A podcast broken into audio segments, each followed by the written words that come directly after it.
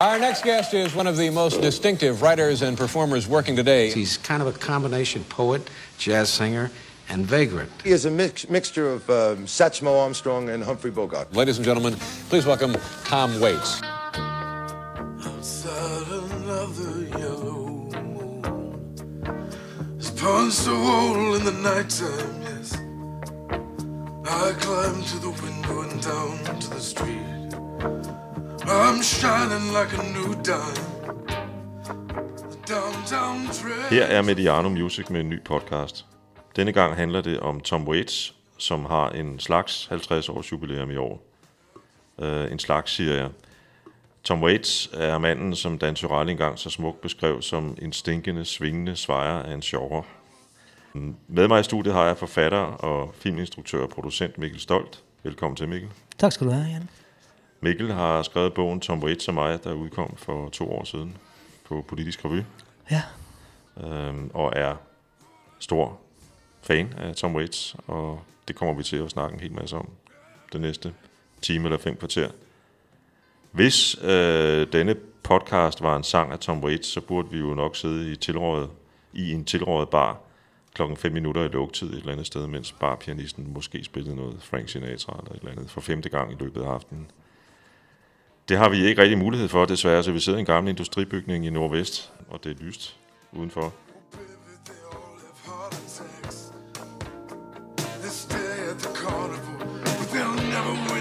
Back.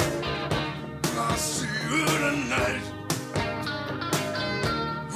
Downtown.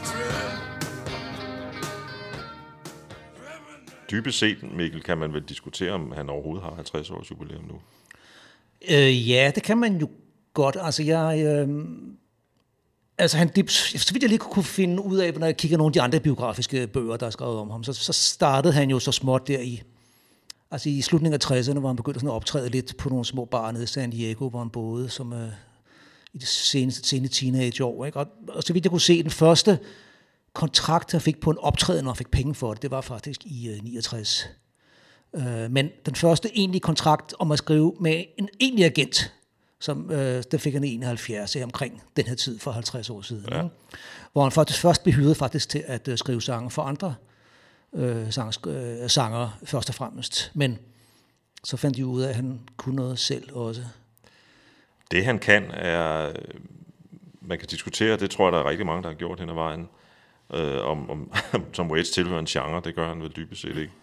Øh, som vi kommer til at høre i løbet af den her podcast, så er det jo både jazz, folk, roots, amerikaner, som man siger i vores dage, mm-hmm. blues, det er poesi, teater, film. Han er også komiker, øh, og øh, nogen putter det hele ind under en hat, der hedder rockmusik. Øh, ja.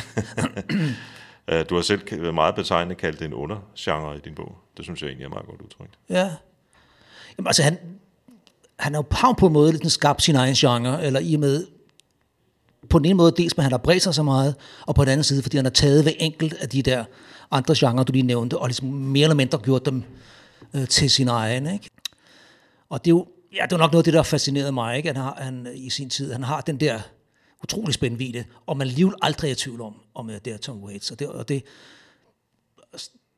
til, tænker jeg lidt, den, øh, hvad hedder det, kendetegner måske de store musikere i det hele taget, måske sagen inden for jazz. Du kan altid høre, nærmest hvis det er Thelonious Monk, der spiller klaver, eller Ben Webster, der spiller den saxofon, eller hvem det nu er. Hvor, det, hvor hentede han egentlig sin inspiration? Den tidlige Tom Waits? Altså aller tidligt, ja, altså han, han hørte jo dels, hvad der foregik. Altså han, det jo klart, singer-songwriter og, og folk og øh, scenen var jo ret stor der i, i slutningen af 60'erne i, øh, i USA, og især der på vestkysten, hvor han var. Altså han, han flyttede ned til San Diego, der, da han var barn, tror jeg, med sin mor, da hans forældre blev skilt. Men så flyttede han tilbage til Los Angeles.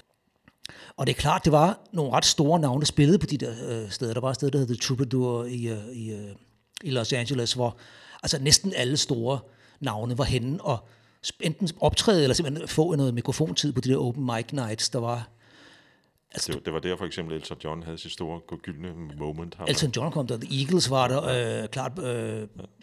Men det sjove med Tom Waits var i, starten, i hvert fald at mange han blev på en måde opfattet lidt som en singer-songwriter, men man kunne godt høre, at han havde måske inspiration lidt andet sted fra. Han var faktisk, han, han greb nok lidt længere tilbage end bare til, til folkscenen, men, og tilbage til den gamle jazz. Nu nævnte du selv Frank Sinatra før, ikke? Øh, men han var også, um, altså man kan høre, man kan høre hvor meget Louis Armstrong har hørt for eksempel på nogle af hans øh, numre, ikke? Altså han var, Det er meget, det er meget tydeligt i vokalen, ja, ja præcis. Ja. i hvert fald, i hvert fald der i 70'erne. Samtidig lyttede han måske de, de folk, som også havde lidt det samme øh, tilbage, altså sådan sangskriver som Randy Newman øh, og Dr. John, som han også øh, ved, han havde noget at gøre med den tid. Men så samtidig var han jo ret hurtigt, blev han jo, øh, hvad hedder det, bekendt med Frank Zappa for eksempel. Øh, og de folk i den, i den anden boldgruppe, eller øh, Man kan godt boldgade. sige, at nu kommer vi til at høre selvfølgelig nogle numre med, med, med Tom her om, om starter om et øjeblik. Men man kan jo godt sige, at han, han, han, han, han havde vel også en vis form for humor til fælles med Frank Zappa, ikke? Altså deres humoristiske stil. altså det er jo, altså det er jo helt tydeligt, det er ikke så tydeligt på studiepladerne, og der er ikke ret meget af det, men på nogle af og på nogle af de, øh, og hvis man ser ham live, eller, eller ser ham på YouTube, som der jo efterhånden er rig lejlighed til, så kan man se, at han er, altså han er, dybest set er han jo en entertainer og en performer, og med et eller andet komisk øh, øh gen, som han, øh, som han faktisk udnytter ret meget. Øh, også til at bare fortælle røverhistorier. Altså, der findes jo utrolig mange interviews med ham, hvor man ikke rigtig ved, om det, han fortæller, er, er det rene vrøvl. Det finder man så som regel ud af, at det nok er, ikke? Men Jo. det, Det, det, det er også en del af den der persona, han, han, han skabte allerede meget tidligt. ja, altså, ja, og det er jo det, som man også skal diskutere, som altid undrer mig lidt, som undrer mig selv, hvorfor jeg blev så vild med en mand som Tom Waits, som så fordi jeg er jo egentlig dokumentarist og har lavet dokumentarfilm og kan godt lide at tage for historier fra virkeligheden. Øh, det gør Tom selvfølgelig også, men han er især en historiefortæller. Altså han, han er skaberne med den der person og siger, jeg er ikke den person jeg er." I starten var der var han jo meget kendt for at være den der lidt barfly, den der lidt, den måske halvfulde barpianist, der sad og, og spillede på værtshuset, som du antydede. Og det var også en rolle, han dyrkede. Altså han, men, og måske var der også en periode, hvor det måske var lidt for meget stort sammenfald mellem den persona, han havde tryllet frem, som han optrådte med, og så det hans egentlige liv, der han boede på Ja. Motel Tropicana der i, uh, i 70'erne, ikke? og uh, turede rundt med nogle af sine dårlige venner. uh, men altså, man har bibeholdt den der med, at, og det tror jeg sådan, stadigvæk, han gør, uh, altså siger I mig, altså, person, privatpersonen Tom Waits er en ting, og ham ser vi sgu aldrig ikke ret meget. Øh, og vi ser ham en gang, men ser vi ham i hans musik, så vil jeg sige, ja, man ser selvfølgelig hans personlighed i musikken, men ikke nødvendigvis privatpersonen, og der, der mener jeg er en forskel, og det er måske derfor, jeg alligevel er blevet så vild med ham. Ja. Inden, inden vi går videre, så synes jeg, vi skal lytte til et, et nummer fra hans andet album. Det første album med den meget billedskabende titel Closing Time øh, udkom på øh, et pladselskab, der hed Asylum, øh, som, som øh, i øvrigt også husede, øh, hvad jeg vil kalde en af Tom Waits musikalske beslægtede, nemlig Warren Zevon. Mm-hmm. Omkring, det første, omkring det første album, synes jeg egentlig, det er, det er lidt skægt at kunne se, at at øh, indtil flere af numrene på det første album faktisk er gået hen og blevet klassikere øh, fra Tom Waits. Old 55 og øh, I Hope I Don't Fall In Love With You, som måske er de mest kendte af dem. Ikke? Men fra det andet album kommer her San Diego Serenade.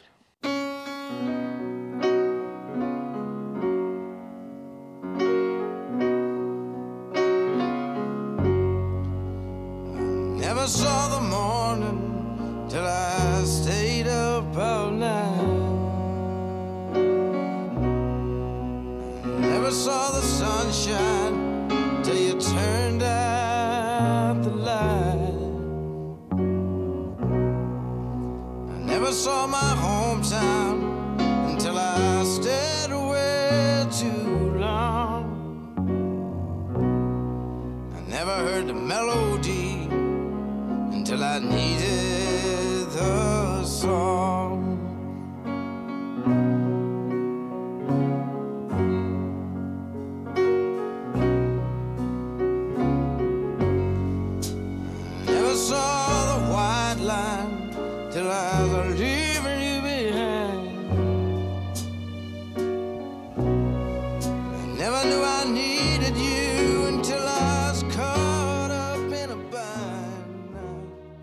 er jo en meget romantisk sang, efter min mening. Altså, det er jo, det er jo nærmest en vise, ikke? Og det er jo, jo, og en ting, der slår mig med den, i hvert fald, det er jo en ret ung mand, der skrev den her sang, ikke? Altså, og alligevel har sådan en forståelse af, hvordan, hvordan øh, der er nogle valg i livet, som kommer til at betyde noget for en, ikke? Altså, nu er alle unge mænd måske romantikere, det kan jeg godt selv huske fra mig selv. Øh, men jeg synes bare, at den er, det er et smukt billede, og, den, øh, og det er jo sådan en, en, en, en jazzvise, som sådan peger lidt, som både trækker lidt på det folk-scenen og tilbage til nogle jazz-ting. Og jeg synes bare, samtidig med, at det er sådan noget, man ikke rigtig øh, var vant til at høre. Og det, det var der også en hel del i samtiden, der, der mente, at det, at det var... Ja, altså han blev aldrig megastjerne, men allerede på det tidspunkt fik han jo et lille øh, gennembrud, kan man sige. Altså, der, var- han har altid, jeg tror altid, han øh, fik et, altid haft en ret sådan et trofast publikum. Men hvor stort det har været, og hans, øh, og hans pladesalg, jeg var aldrig sådan imponeret, men han har hele tiden taget sådan et skridt op, altså fra plade til plade, og det opdagede, altså ellers havde han jo ikke fået lov til en ny plade, altså det var jo sådan, at, altså det var pladeselskaberne, som bestemte, hvad der foregik jo med, med hensyn til indspilninger, kan man sige. Hvis ikke der havde været gang i den, i pladesalget, så havde han ikke fået lov til at lave den næste. Ikke? Og hvis ikke han havde fået, hvis ikke agenten havde fået på en turné og spille, og der var kom, g- folk og hørte ham, så, var han jo, så, så forsvinder man jo efterhånden. Ikke? På det her tidspunkt har, har Tom Waits jo allerede skabt en, en persona, øhm, den her fyldebøtte. det fremgår af en i øvrigt øh, ganske udmærket DR-udsendelse, som kan findes på, på Bonanza på DR.dk, øh, hvor han, hvor han står ved, ved, ved, ved en bar og, og foredrager, eller hvad man nu skal kalde det, rapler i en halv times tid. Når også i løbet af den halve time at spille sammen med et par, par dygtige jazzmusikere. Den der person, han skabte, havde vel også noget, noget rod i, i, i jeg, jeg ved, at han i begyndelsen var meget inspireret af, af de her beatforfattere, Ja. ja. Jack Kerouac, William Burroughs og så videre. Jamen, det er rigtigt. Han var fascineret af det der jazz and poetry, eller spoken word i det hele taget, hvor, hvor musik og lyrik altså, øh, mødtes. Ik, ikke nødvendigvis, altså... Altså, og, det var, altså, og det var typisk, det var forfatter og musikere, der mødtes. Det var ikke én musiker, som havde begge dele, men, men han, han tog det og sagde, det, kan jeg, det, det vil jeg også gerne. Øh, og fordi han ret hurtigt jo udviste evner til, til øh, sådan et ret poetiske tekstunivers, og så var han inspireret af- af det, og han var blevet hjulpet af nogle pissegode musikere, som kunne give ham sådan en, øh, en baggrund af noget lækker øh, jazz, som han selvfølgelig selv skrev øh, arrangerede sammen med dem. Og så kunne han så fortælle en historie henover, eller fortælle små anekdoter. Øhm, man kan sige, at i starten var hans tekstunivers måske sådan lidt mere uskyldigt, lidt mere, nu nævnte du selv det der barfly, det lidt, handler lidt om det, romantikken ved at være sådan lidt øh, fordrukken, og øh, du ved, være lidt længere op, og, eller vente på, at solen står op, og så køre hjem og håber, at ens kæreste stadig er der, og sådan nogle ting. Ikke? Øh, så på den måde var, han lidt, var det sådan lidt ufarligt. Lidt senere, og så, så, blev han lidt senere i, i årtiet, i 70'erne, blandt andet på den, øh, på nogle af de senere album, der, der bliver det lidt mere sådan en filmisk historie, hvor der er lidt mere øh, på spil, altså lidt mere, lidt mere øh, ja, kvinder, som bliver overfaldet og myrdet, og øh, kriminelle, som skyder hinanden og sådan noget. Så, så der, der sker sådan en... Så han udvikler sig der i starten, rent øh, tekstmæssigt. Han bliver jo mere og mere øh, storyteller. Øh, Ja, det, det, det gør han nok og, og, og, og i jeg, den periode, ja. Jeg, jeg sidder og tænker på, fordi jeg, jeg ved jo, at du har mødt, øh, du mødte Tom Waits øh, i, omkring 1984, så vidt jeg ved, hans musik. Øh, hvor gammel var du der, hvis jeg må spørge? Jamen, der var jeg 19. Ja, og der, det, der har vel allerede været øh, den her kommende filmmands, filminstruktør og producents sådan fascination af det der filmiske på det tidspunkt, ikke? Jo, det, jo, men det vidste Det et jeg nok ikke endnu. det må man ikke. Ja, nej, nej. Altså, jeg vidste det ikke endnu på det tidspunkt. Øh, og, og senere opdagede jeg også, at det var mystisk, fordi jeg, da jeg selv begyndte at lave film, så var, jeg, øh, altså, så var det dokumentarfilm, jeg blev fascineret af. Altså bruge virkeligheden til at fortælle nogle ting, og, hvor Tom Waits måske mere altså, finder på noget. Så på, på et tidspunkt bliver jeg undret mig over, hvorfor, hvorfor synes jeg lige præcis, Tom Waits er interessant, når han egentlig lader til kun at fortælle historier, altså rent fiktion. Men det er jo nogle af de paradoxer, som vi har i livet, som man aldrig rigtig kan forklare, vel? Og, og, men det er jo ikke fordi, at Tom Waits heller ikke bruger virkeligheden. Han har bare en, en anden måde at gøre det på. Jeg har tænkt på, om der måske alligevel kan være en eller anden linje, som vi, vi du, du selv meget, meget flot beskrev i begyndelsen, så er at Tom Waits er en, en, en øh, han, han er sådan en, en figur, øh, en, en persona, som ikke rigtig findes på, lige andre steder. Så, så et eller andet sted er der jo en linje i det, han, han, han har øh, i, i, i hans karriere. Og, øh, og, det er måske alligevel, selvom du kan sige, at hans, hans tekster i begyndelsen er sådan lidt uskyldige, jeg håber, jeg aldrig bliver forelsket i dig, som han synger for eksempel i sit øh, kendte nummer mm. øhm, fra det første album. Øhm, så er der måske alligevel det her med hans evne til at skabe scenarier. Altså han er enormt dygtig til at skabe billeder, ikke? Og øhm, allerede der på de måske det tredje album, nej, det fjerde album, der hedder Small Change. Altså lave de billeder, som på en eller anden måde minder en om for eksempel en, amerikansk maler som Edward Hopper, som har sådan nogle motiver, hvor man ser det er et meget kendte billede, som hedder Nighthawks, hvor man ser sådan en café udefra, hvor der sidder to-tre mennesker derinde, og en enkelt tjener står og, øh, og tørrer disken af, eller hvad han gør. Og Tom Waits tredje album, som var et helt studie, nej, undskyld, et helt live-album, udelukkende med numre, som ikke var udgivet før. Det hedder også Nighthawks at the Diner, så han bekender sig også til den tradition fra maleren Edward Hopper og til forfatterne der i Beat-generationen. Og selvfølgelig en masse andre sangskrivere og, øh, og sanger, han har været inspireret af. Altså lige fra Louis Armstrong til Randy Newman. Og ja, og øvrigt også. Altså, en masse Bob Dylan har jo også helt sikkert hørt. Det kan man jo også øh, det kan man også høre, når man hører hans musik, øh, og der, der tænker jeg også, øh, også Dylan som komponist har, har tydeligvis også, i hvert fald her tidligt, inspireret øh, Ja. Tom Waits. Øhm, du nævner selv det her livealbum, uh, Nighthawks at the Diner. Jeg synes jo, at en af de ting, jeg sådan er faldet lidt for her, øh, i den her intense research-fase, jeg har været inde i, er blandt andet den der evne, han har til også at skabe billeder med sine titler bare alene på numrene. Udover det, vi lige har nævnt. Emotional Weather Report, jeg kan sådan... alle, der har været ja. i et forhold til en anden person, kan, kan ligesom fornemme, hvad det, vi er inde, hvor vi er henne her, ikke? Øh, A Foggy Night, eller On a Foggy Night, ja, toget nat, øh, det giver sig selv. And Sausage, en af Cadillac with Susan Murchison. Øh, Postcards from Easy Street, jeg fornemmer, at Easy Street, det er, det er, det kunne meget vel være Lonesome Boulevard, som man også synger om. Øh, der er nogle øh, papirstykker og noget pap, der suser hen langs med fortorvet på den gade, tror jeg. Og så det her forfærdelige billede, han skaber med warm beer and cold women, det kan næsten ikke blive værre. Nej, og det bryder han sig heller ikke selv om, tror jeg, sangen handler om, så vidt jeg husker.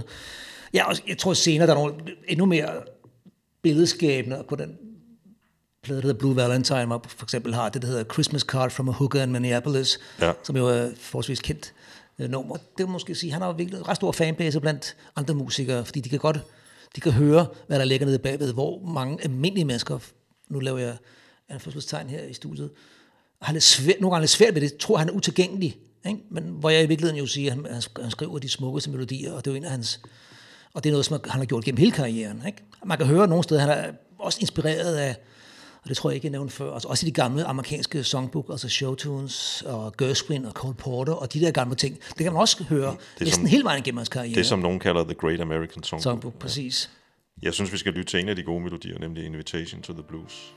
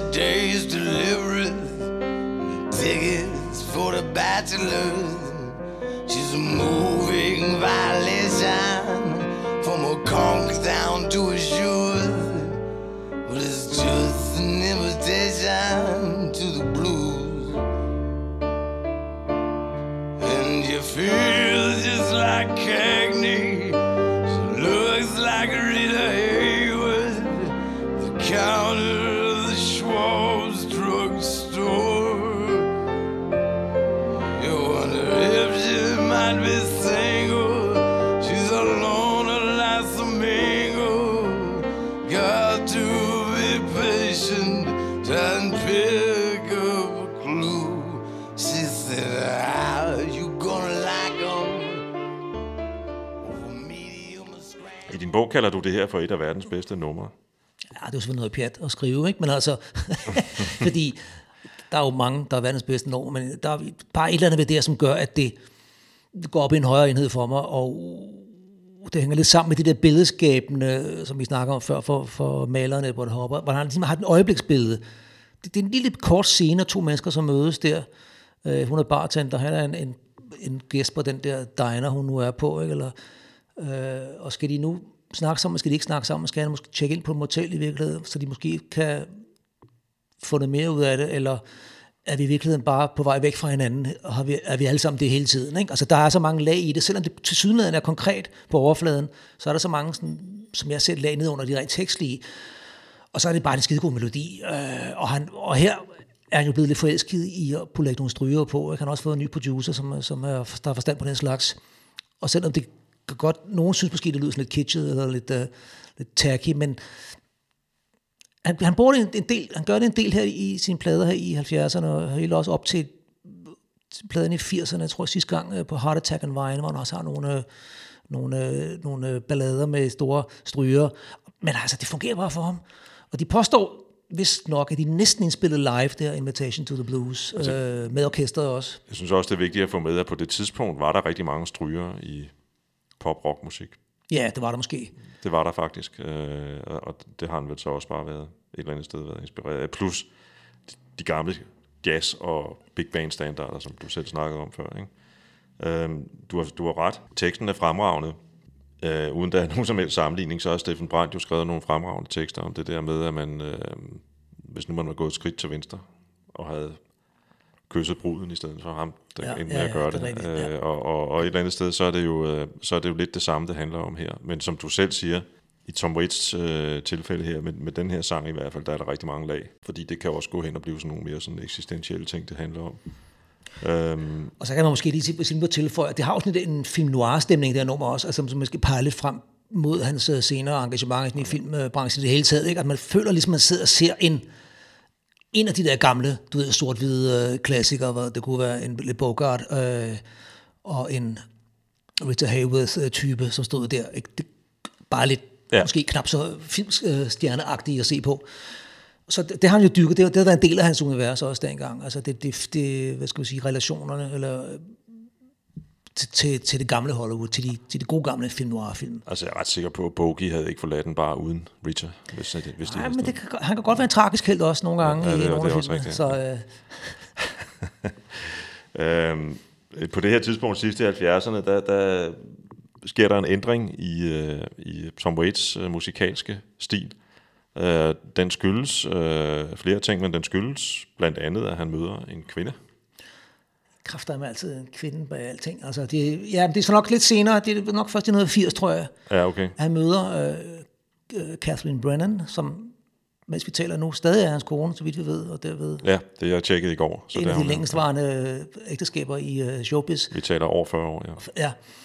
Hun arbejdede jo for Francis Coppola, øh, den store filminstruktør, som jo på det tidspunkt havde lavet for eksempel Godfather og øh, Apocalypse Now, som jo var ved at tage livet af alle, der var involveret i den film. Men så fik han en idé om, at han ville have Tom Waits til at spille, lave musikken til en, en kærlighedsfilm, som skulle optages rent i studiet, og foregå i Las Vegas, men optaget i studiet.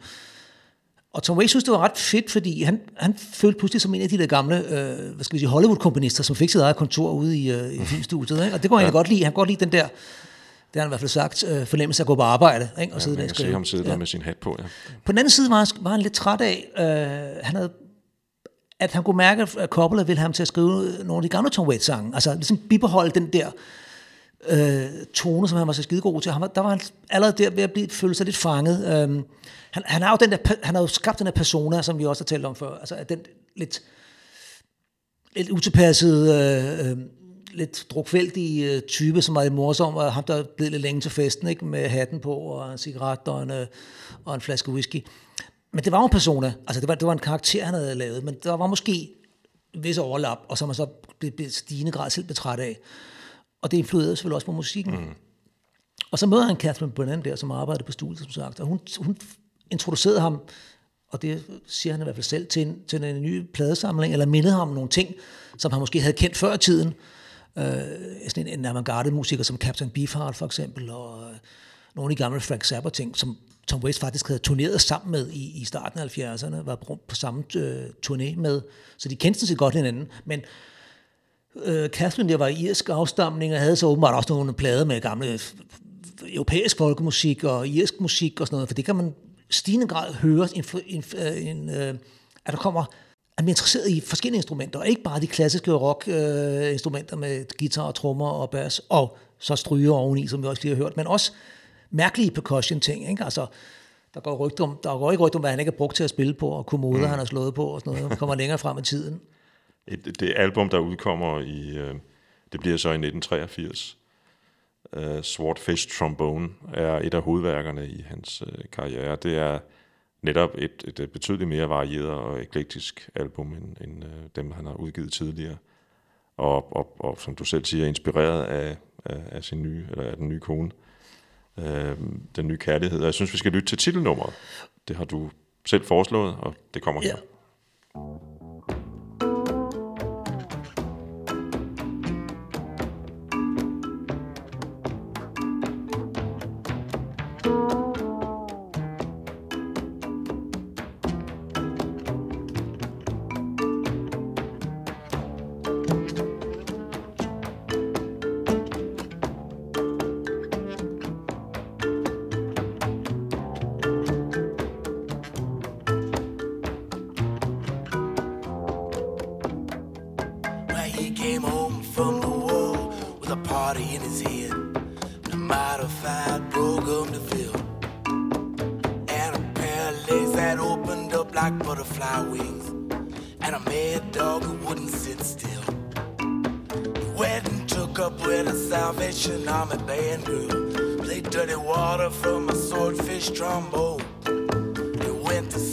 Apple.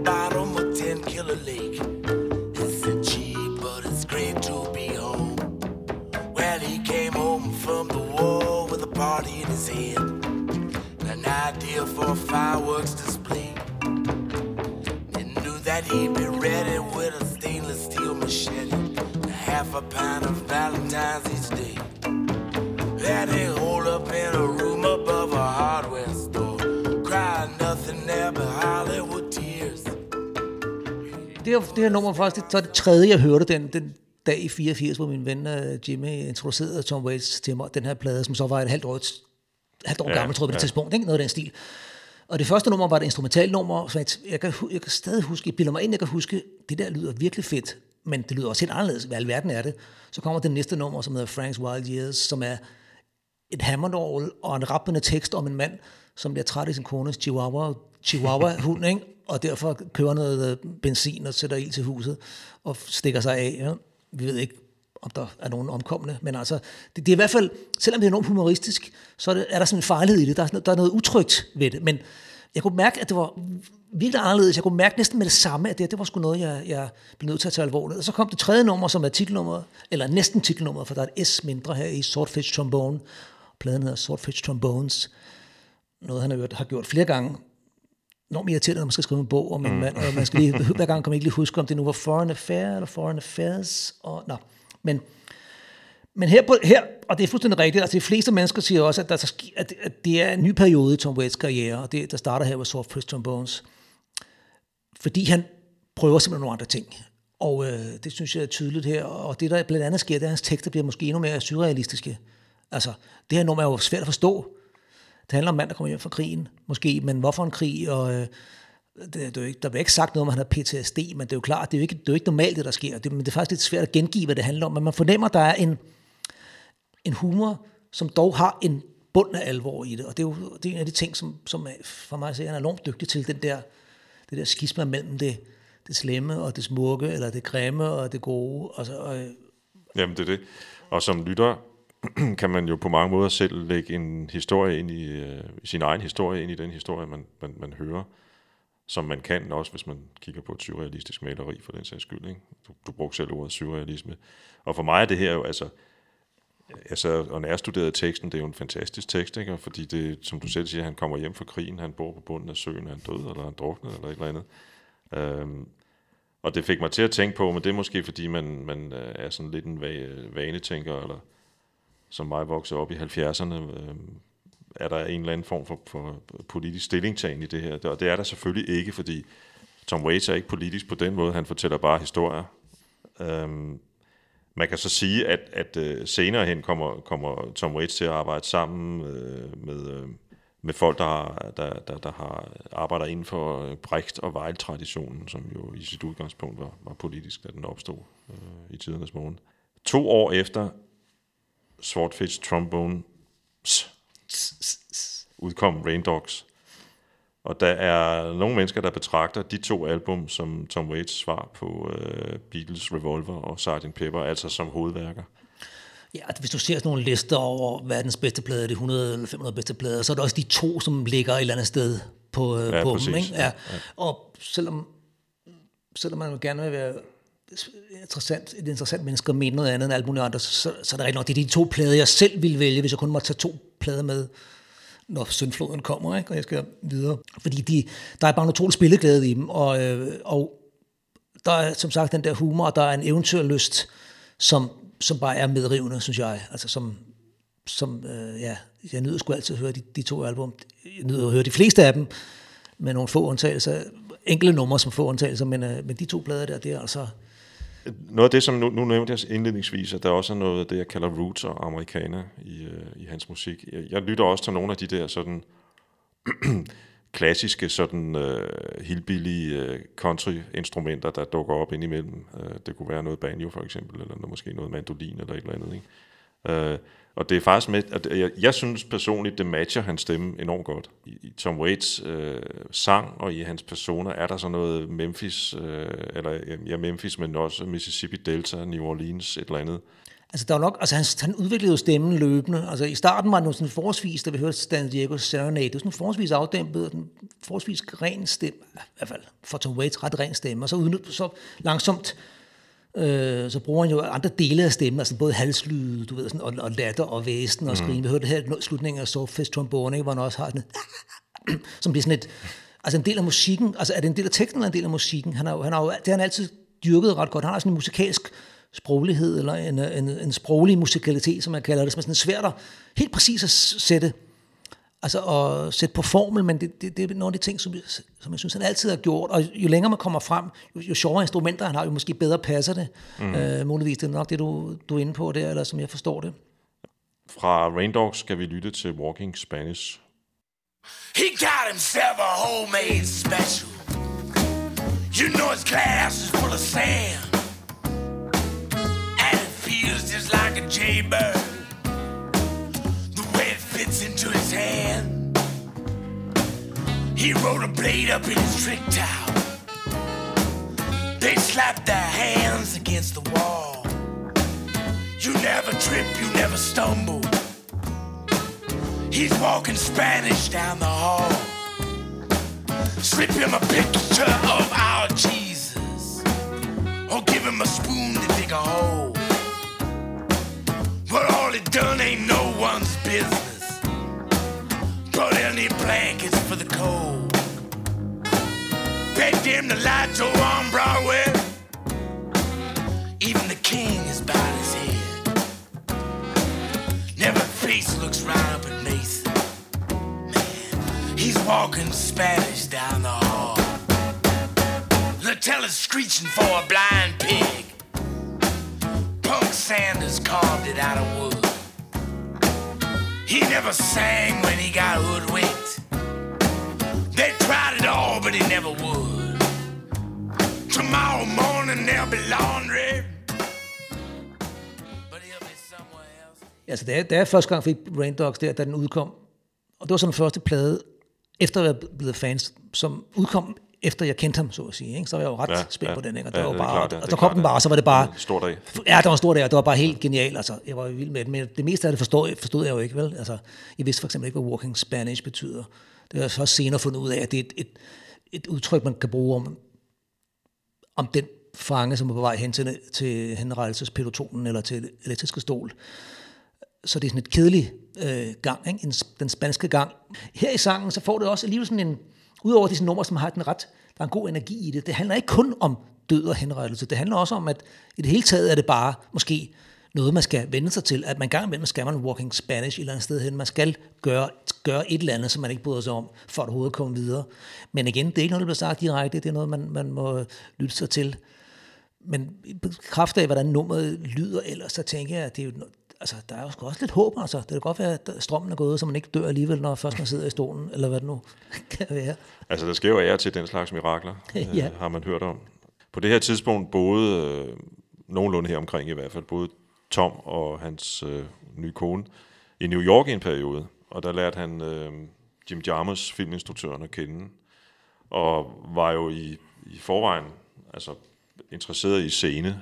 Øh, optræden havde skrevet noget teatermusik og sådan noget. Øhm, jeg tjekkede så sent som i går på det site, der hedder IMDB, hvis man skal forkorte det, øh, .com, og, og der er en krediteret for 45 øh, optrædener på film. Nogle af dem er, hvor han har lagt stemme til film og sådan noget. Øh, men Down by Law, som han indspillede på det tidspunkt, er måske hans kendte film, mest kendte film, eller? Ja, det er der måske nok. Kom lidt der på, hvor gammel man er, tror jeg. ja øh, I virkeligheden. Øh, ja, det er virkelig også en af hans bedre film, hvis du spørger mig. Øh, jeg er ikke den helt store fan af Tom Waits som skuespiller, øh, som jeg hvis nok har nævnt før, så jeg synes, at han er en fabelagtig øh, performer og entertainer. Øh, han fungerer rimelig godt i den her film, men mange af de film, som, som du siger optræder der på IMDb, der bliver han en opfattelse, han bliver hyret lidt til at spille en Tom Waits-type. Og det gør han jo glimrende, men det er bare ikke altid lige det, som altså måske filmen ville have godt af. Det er måske bare noget, instruktøren tænker, om det er lidt, kan vi slippe det nemt op om det. Uh, men det er en smagsag, kan man sige. Han interesserer sig for det dramatiske, øh, og, og teater har jo har jo interesseret sig meget for musikteater, kan man sige. Han har jo selv skrevet, mm. når man så skrive en hel del forestillinger. I, øh, i nogle, altså, når man ser ham, og, og, og på YouTube er der jo en hav af klip med ham, øh, hvis man gider det, øh, kan man jo så sige nogle gange måske, at hans, hans optræden er en lille teaterforestilling i sig selv, altså, når han skruer Tom Waits på. Ja, altså han har nok altid været altså skabt en karakter, som han, han den optrædende Tom Waits, og den private, det private menneske, ser vi nok ikke særlig meget til. Altså, det, det er ikke det, der interesserer ham. Øhm, og typisk, når vi ser ham i, hvis du, nu nævnte du YouTube, hvis man og kigger på sådan nogle interviews med David Letterman, hvor han optræder i sådan nogle talkshows og bliver interviewet af journalister, så er han næsten altid altså en eller anden røverhistorie, han sidder og fortæller, hvor man først tror, at det er sådan en alvorlig ting, han skal fortælle, så viser det sig, at det er et eller andet gimmick, og, og jeg tror, det, det, det, jeg ved ikke, om det er en måde at beskytte sig selv på, men det er ligesom det er den måde, han, han vælger at sige, altså, jeg er en, jeg, jeg er en jeg er en storyteller, jeg fortæller, jeg er entertainer, jeg performer, men jeg er privat, det er sgu ikke så vigtigt. Nej, fordi han er jo rent faktisk boet sammen med sin kone og så nu tre børn i øh, et eller andet sted i det nordlige Kalifornien. Ja, ja, de er jo sammen voksne nu, ikke? Men, ja, altså, det, ja. men altså, han er jo... Og, på et tidspunkt trækker han sig tilbage nærmest til at være bo på landet sammen med sin familie, hvilket han bare ifølge nogen, ifølge sin gamle kæreste Ricky Lee Jones, som han var kæreste med der i midt-70'erne, har sagt, at han allerede dengang vidste hun godt, at det han i virkeligheden ville, i stedet for at sidde på, bo på et motel og arbejde sent og spille sent på mærkelige lysskyde steder, så ville han i virkeligheden have en familie og bo på landet. Ja. Det, det var hun godt klar over dengang, og det har han så fundet sammen med Kathleen her. Ikke? Og, øhm, og det har de til synligheden godt med, godt med, og vil helst ikke forstyrres af journalister. Hvis han endelig laver en aftale, så er det ude i byen, eller et andet sted, øh, hvor, hvor de ikke får adgang til hans øh, privatsfære.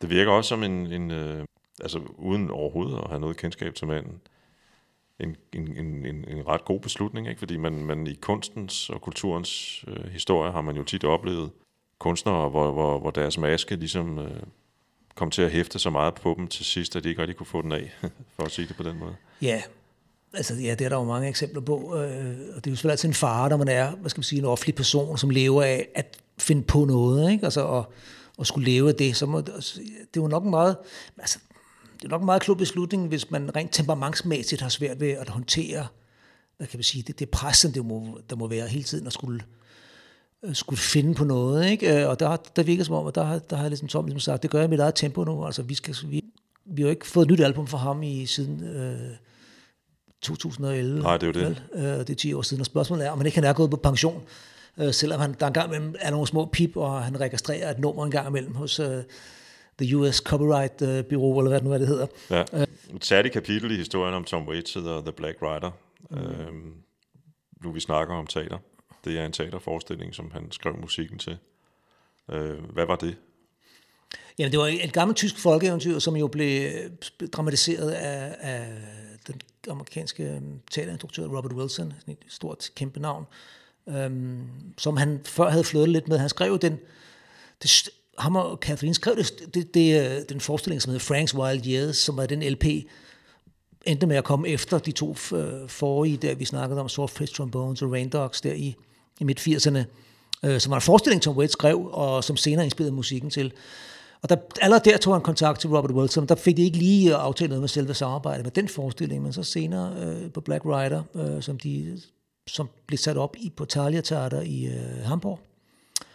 Øh, og som jo er, et, som sagt, gammelt tysk øh, folkeeventyr, som øh, den gamle beat-forfatter, øh, Beat Generation-forfatter William Burroughs øh, blev hyret til at skrive tekst til. Ja. Og Tom Waits var jo virkelig han var jo meget imponeret at skulle arbejde det sammen med Robert Wilson, som er jo en stor kapacitet, og lidt ældre end Tom Waits også, og så William Burroughs, som er jo endnu ældre, som han jo også altid har set op til, for han var ja. jo stor fan af de der, den generation af amerikanske forfattere. Og så blev det til en forestilling, jo, som også øh, blev vist derhjemme i Danmark. Øh, på, på Intendansen var det vist også øh, med Jimmy Jørgensen spillede figur, der hedder Pegleg, som er sådan en djævlelignende figur. Jeg tror, at Martin Brygman spillede øh, hovedrollen ja. der, og det var jo, så vidt jeg husker, ret, ret god forestilling. Jeg husker, jeg den meget. Men så udviklede det sig jo. De lavede også en forestilling, der hedder Alice, som bygger på, på noget af Alice Eventyrland-historien, og som aldrig har været øh, opført i Danmark. Øh, og så senere kom så den, der hedder Wojtek, som jo blev en urførelse på Betty Nansen i på Frederiksberg her i, øh, i København. Ja, det blev faktisk uopført i Danmark. Ja. Og som gjorde, at alle pludselig skulle øh, synes, at Tom Waits var den fedeste, ikke? og Onkel Tom, og vi alle sammen kender nu, og det ene med det andet, ikke? og det, er jo- du, du kender det sikkert, du, er- man er fan af et eller andet, og lige pludselig kan alle folk lide det, som man har gået sådan og nørdet med i mange år. Ikke? Jeg var Ja, sådan lidt det- småirriteret, at alle folk pludselig synes, han var så fed, Tom Waits. Ikke? Det er forfærdeligt. ja, det er det sgu. Men altså, Af samme, af, af samme grund havde jeg, og det er fortryder jeg selvfølgelig i dag, men jeg fik aldrig set øh, Black Rider, nej, fordi at øh, alle snakkede om den, og så tænkte jeg, altså der er så meget Rasmus modsat i mig, at det endte med, at jeg aldrig fik set den. Det er det. Er det. Men det er et ret øh, fedt album, øh, og selve albumet bærer faktisk præg af, det har også de numre, som ligesom man kan høre er en del af det teatralske fortælling. Der er sådan nogle ja. intermezzoer og forskellige ting, som man får fornemmelse af, at det er soundtrack til en forestilling. Modsat de indspillinger, Tom Waits selv lavede af både Alice og Wojtek, som blev til det, der hedder Blood Money, øh, blev mere regulære album, selvom traditionen er, har, altså det, som du er lidt den der musikteater, og især bygget lidt på Kurt Weill og det gamle Bert, øh, mm. Bertolt Brecht historier. Ikke? Men, ja. men Black Rider album er sgu spændende, for der er både sådan nogle gamle varieté-numre, og der er noget øh, næsten uhørligt øh, instrumental, øh, næsten klassisk musik, med, der er ikke, der hedder Oily Night. Man kan næsten høre på det, at det er, det er faktisk meget svært at komme igennem. Til gengæld var det hele fem minutter. Lad os lytte til øh, I'll Shoot the Moon. Og Shoot the Moon, som er sådan, kunne være skrevet i 20'erne nærmest. Ikke? Ja, Ja, nemlig. meget Ja, romantisk ja. sang, men Der er noget Berlin i den. det er der faktisk. Uden at, Øh, jeg, jeg kan, selvom jeg er en ældre mand, vil nogen ja. sige, så har jeg dog ikke været i Berlin i 20'erne. Nej. Men, øh, så, og, og ved så ikke helt præcis, hvad jeg taler om, men, men alligevel får jeg den stemning. Når jeg hører Det er der. Og samtidig kan man høre, er der, er der sådan lidt uh, comedy-element i det her nummer også. Et nummer, han nu tog op i en turné langt senere i 2008 i Glitter en Doom-turen, hvor han gør det endnu mere sjovere. Men øh, nu, vi kan, nu kan vi bare høre til, det, til den første øh, indspilling her fra The Black Rider-albummet.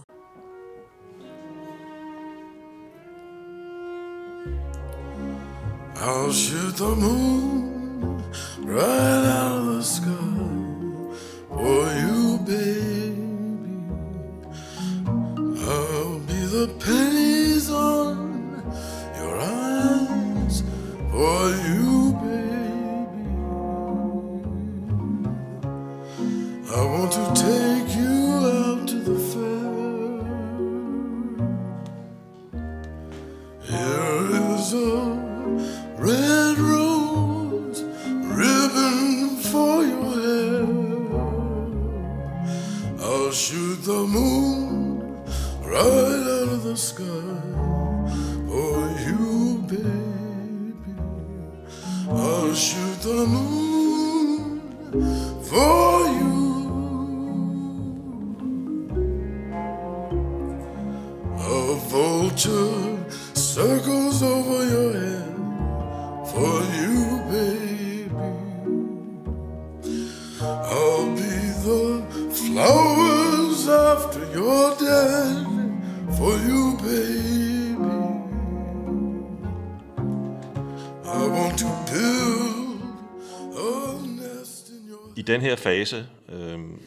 af sin karriere er Tom Waits tilknyttet pladselskabet Island Records, der var et øh, ganske stort selskab, og er det stadigvæk. Øhm, men skifter til pladselskabet Anti Records på et tidspunkt. Hvorfor egentlig det? Jeg ved ikke, man ved, hvorfor han gør det, men altså, han blev jo tiltrukket nok af, at, at til sydlandet har musikere det mere skulle have sagt i det nye selskab her. Altså, der er ikke så mange jakkesæt øh, til at styre det forretningsmæssigt. Der er lidt, der er lidt større forståelse af, hvad, hvad musikerne har brug for.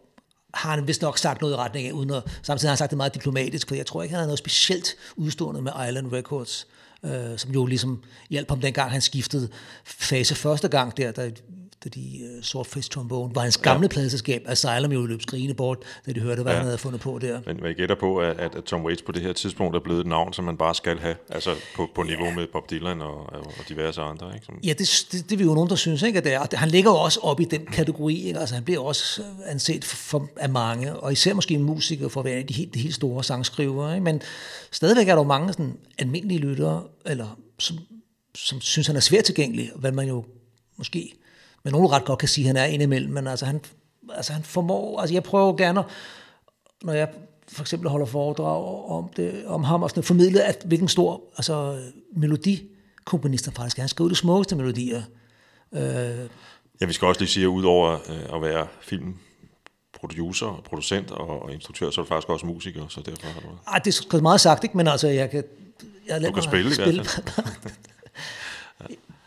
Øhm, jeg synes, vi skal gå til det album, der så udkommer på Anti Records, der hedder Mule Variations. Ja. Og det er med nummeret Picture in a Frame.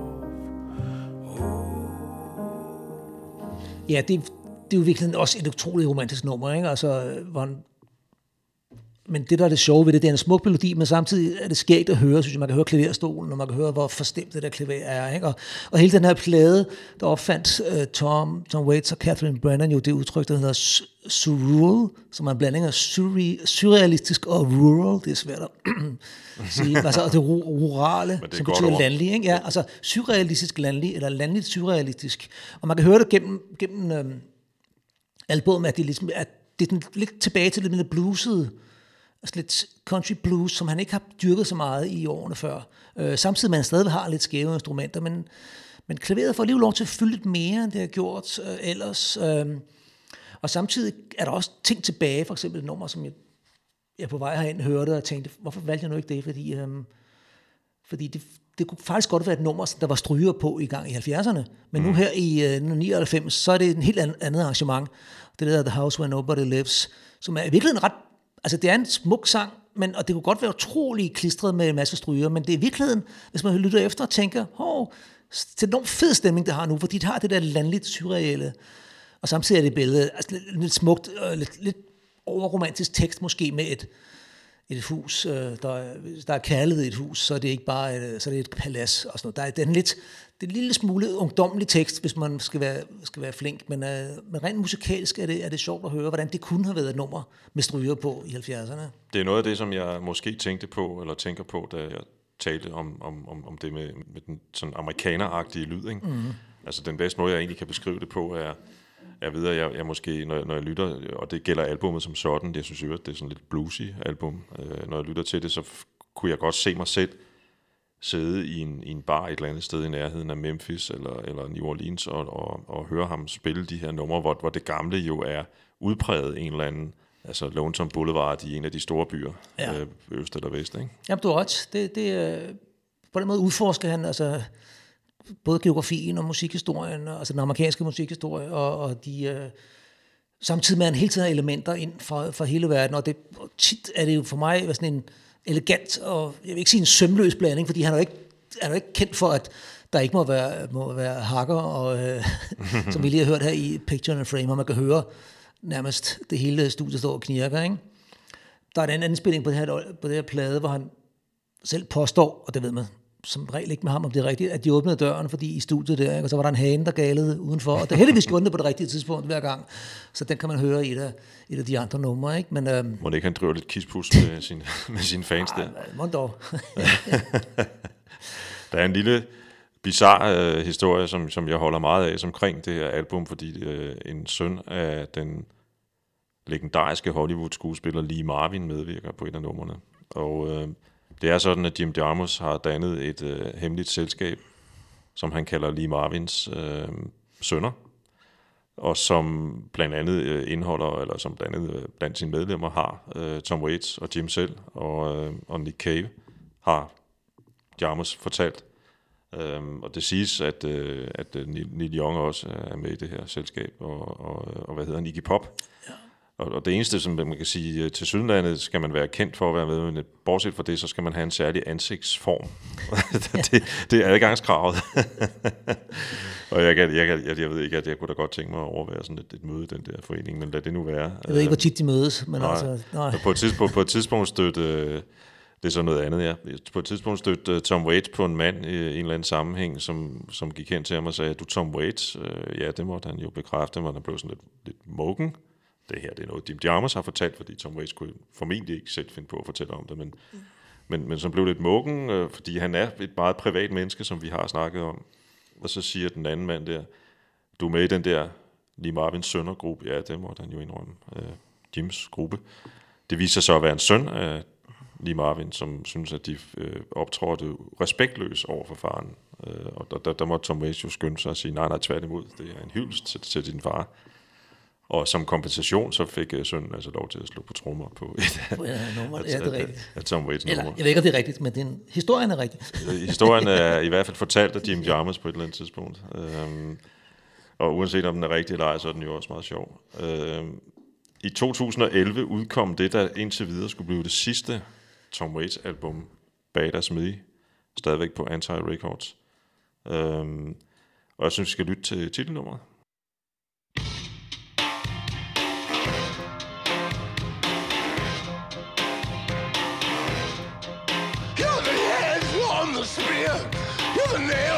Cross. You're the fly in my beer. You're the key that got lost. You're the letter from Jesus on the bathroom wall. Your mother's superior with only a brawl. You're the same.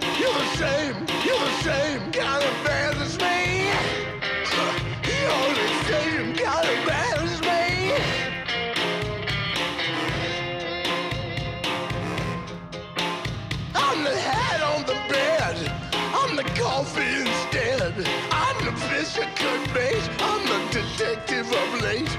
I'm the blood on the floor, the thunder and the roar. I'm the boat that won't sink. I just won't sleep a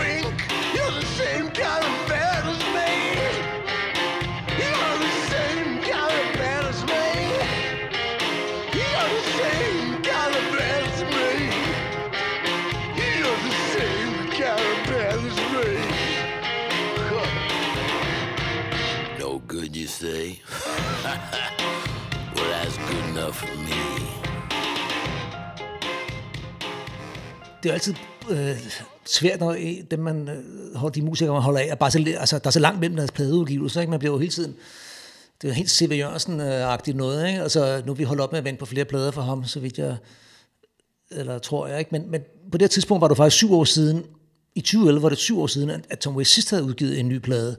Indimellem har der så været den, der hedder Orphans, som var et genindspilning, mm. og gen, altså ting, som var ligesom, det som man selv siger, sange, som har faldet ned bag komfuret, som de havde fundet frem igen, og ja. lagt på en triple CD, så der, vi havde sådan set fået nok, os fans havde fået nok at beskæftige os med, men ja. i 2011 kom så det et, et, et nyskrevet album for første gang, og øhm, jeg synes godt det var utroligt friskt. Altså, jeg synes faktisk, det er, det er et rigtig fedt album, men jeg plejer at sige til, hvis man... Det er en af de så godt steder at starte på Tom Waits, på det album, som med nogle af de, de, de tidligere, hvis man... Øhm, og det tror jeg, dels fordi det er, det føles stadig meget lejesygt og øh, fuld af energi. Og så er der sådan nogle, mange numre, der peger tilbage. Man kan sige, at det her nummer kunne det godt være der, men det har fået drej og et lidt mere et twist på en eller anden måde, og er blevet lidt mere updated.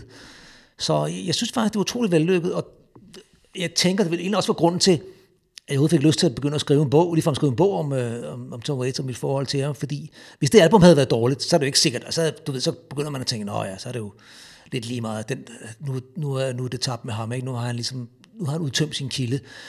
Men det havde han ikke dengang, og man så tømt sin kilde i mellemtiden, fordi det er jo meget lidt, vi hører fra ham nu, ikke? Øh, som sagt, det er nogle meget små øh, pip ja, ja, ja. Øh, men altså, jeg synes, jeg synes, det er et, et, jeg synes, det er et godt album, men jeg frygter som sagt, at det måske nok bliver ikke bare det seneste, men også det sidste album, vi får fra ham.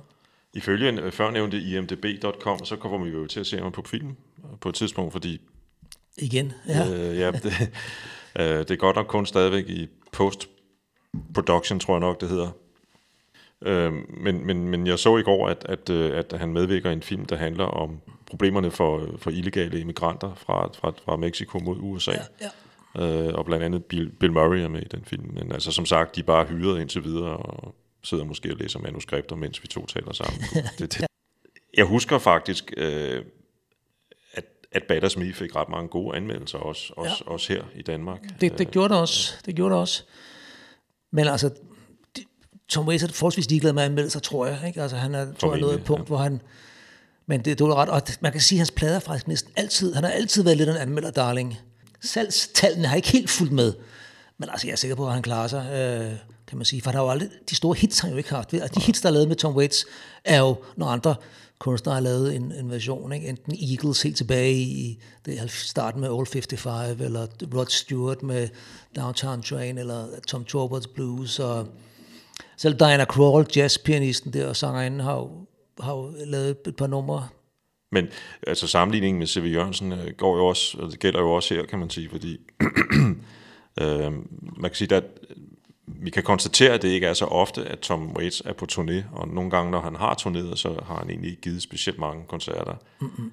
Det er en meget god indikation i retning af, at han, han, han, øh, han, han lever åbenbart fint, uden at skulle tjene alle de mange penge, der ligger i koncerterne, og i dag er det kun koncerterne, der giver penge til kunstnerne, ikke?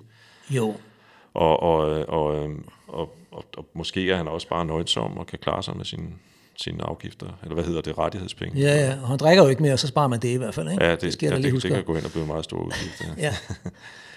øhm, jeg ved her på falderæbet, at øh, jeg synes lige, vi skal vende, øh, nu vi snakker om koncerter, du har været til tre koncerter med Tom Waits hvis nok alle tre gange med din kone, ikke? Eller hvordan? Jo, jo, hende måtte jeg logge med. Ikke? Lige start, den første gang i Berlin, det var i 99 eller 2000, som var Get Behind the Mule-turen der, der havde vi ikke været kærester så længe, et halvandet år eller to år. Ikke? Og hun, jeg havde spillet Tom Waits for hende, men altså, det var ikke sådan, hun var ved at falde ned af stolen af begejstring, vel? fordi som sagt kan opfattes som lidt svært tilgængelig.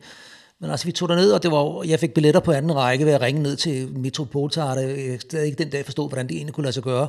Men øhm, fordi billetterne var jo, altså det blev udsolgt i løbet af altså, timer, ikke? Eller, nu ved jeg jo, fordi øh, jeg har læst din bog, at du sad på dit arbejde og ringede og ringede og ringede og ringede. Ja, ja for fanden, jeg kom til at afsløre det. Ja, du kommer til at afsløre i bogen. Ja, det var DR, der betalte, ja.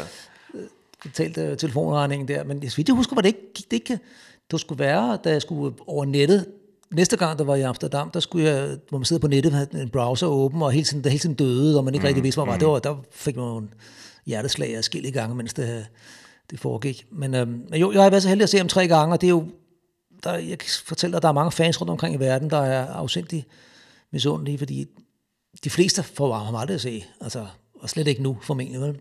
Nej. Øhm, netop fordi han har været så forholdsvis nære med koncerter. Altså han turnerede meget i 70'erne. Han var meget ude på landvejen, og det er, det er jo formentlig pisse hårdt at være hårdt musiker på landevejen, ikke? Altså, det er jo hårdt noget, fordi de også, øh, og han, han holdt sig jo heller ikke tilbage, som du selv har, har været inde Det på. gjorde jeg nok ikke. Det gjorde jeg nok ikke. Øh, og, og, og så det bliver det jo ikke mindre hårdt af, kan man sige. Den sidste sang, vi skal høre, øh, den har jeg valgt øh, af sådan rent subjektivt. Øh, af flere grunde i virkeligheden, fordi i en periode i 90'erne, tror jeg, eller måske var det lidt ind i, i 00'erne, der var mit kæreste eje øh, en, en, øh, et boxsæt med fem plader med Bruce Springsteen, koncertoptagelser og optræde rundt omkring i verden.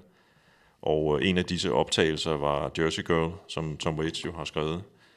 Vist nok stammende fra en, øh, en, øh, en koncert i Madison Square Garden i New York. Øhm, kan som lille fodnote nævne, at øh, mange Tom Waits-fans har efterfølgende været vrede over, at Springsteen i den pågældende optagelse ikke krediterer Tom Waits. Og Springsteen har været så påvirket af det, at han har været ude og sige på et tidspunkt, jamen øh, jeg optrådte faktisk tre gange med den i rap, altså tre aftener i, i træk, men den bedste optagelse var simpelthen den der, hvor jeg glemte at sige, Ja. at... Øh, Ja, det skal man ikke være. Altså, sådan er det jo, hvis du spiller et covernummer. Det må være en, Ja, men det må du være en ved, øh, sig selv. Ja, ja, men nu, nu, nu ikke hverken dig eller mig, men nogle fans er meget sådan lidt planeten grønsagtige. det er rigtigt. Det er nærmest... I, i den, altså, da jeg lavede, skrev min bog, så var jeg, læste jeg også alle mulige andre bøger om, om hans plader, altså amerikanske bøger og engelske bøger. Øhm, og der, der fremgår det faktisk, at Tom Waits faktisk sagde til sin producer dengang, da han skrev, havde skrevet Jersey Girl, som i parentes bemærket, er en sang til hans dengang kæreste, øh, kommende kone, Kathleen, fordi hun boede i Jersey på det tidspunkt, eller i New Jersey på det tidspunkt. Men der skulle han faktisk sagt til produceren, at må godt få det til at lyde lidt som Bruce Springsteen, så han vidste godt, for Bruce var jo kendt på det tidspunkt, og, eller havde lavet plader, og Tom mm. kendte ham godt. Øh, og han legede lidt med tanken, at det faktisk godt måtte lyde lidt springsteen Også fordi det er Jersey, ikke? Ja, også fordi det er Jersey selvfølgelig. Ja.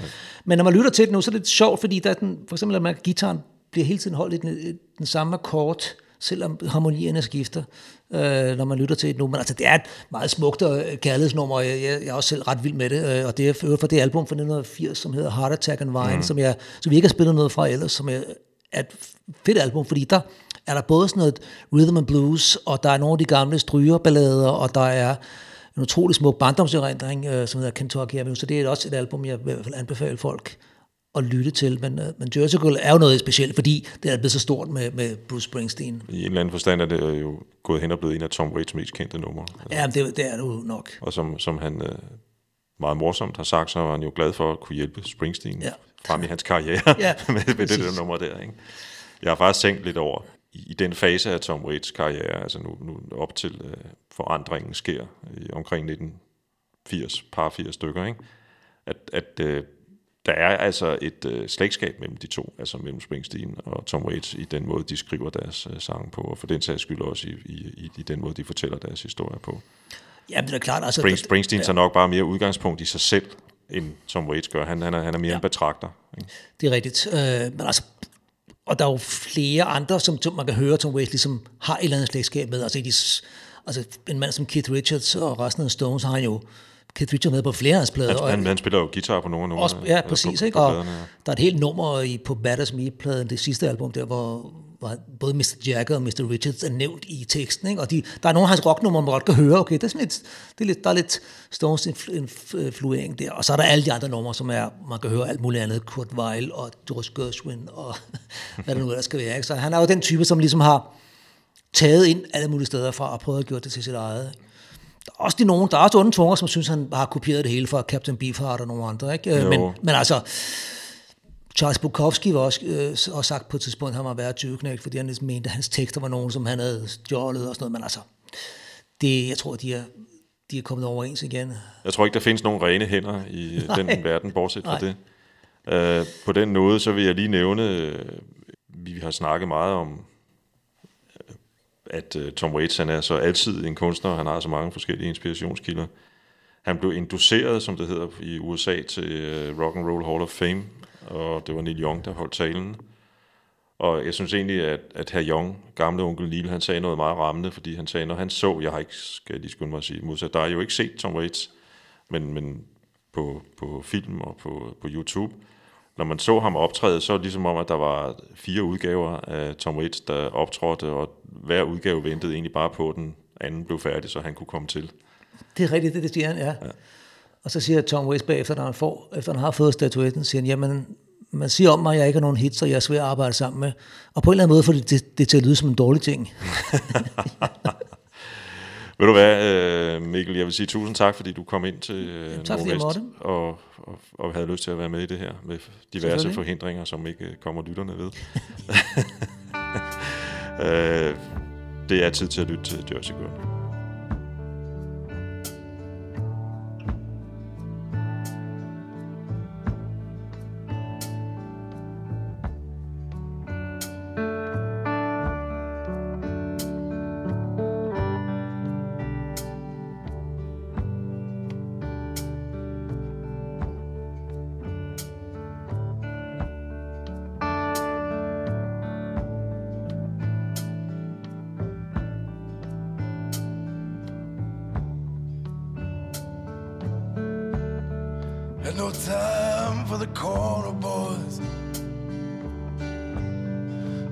In the street making all that noise. No one no horse on 8th Avenue. Cause tonight I'm gonna be with you. Cause tonight I'm gonna take that ride. Cross the river to the Jersey side. Take my baby to the carnival.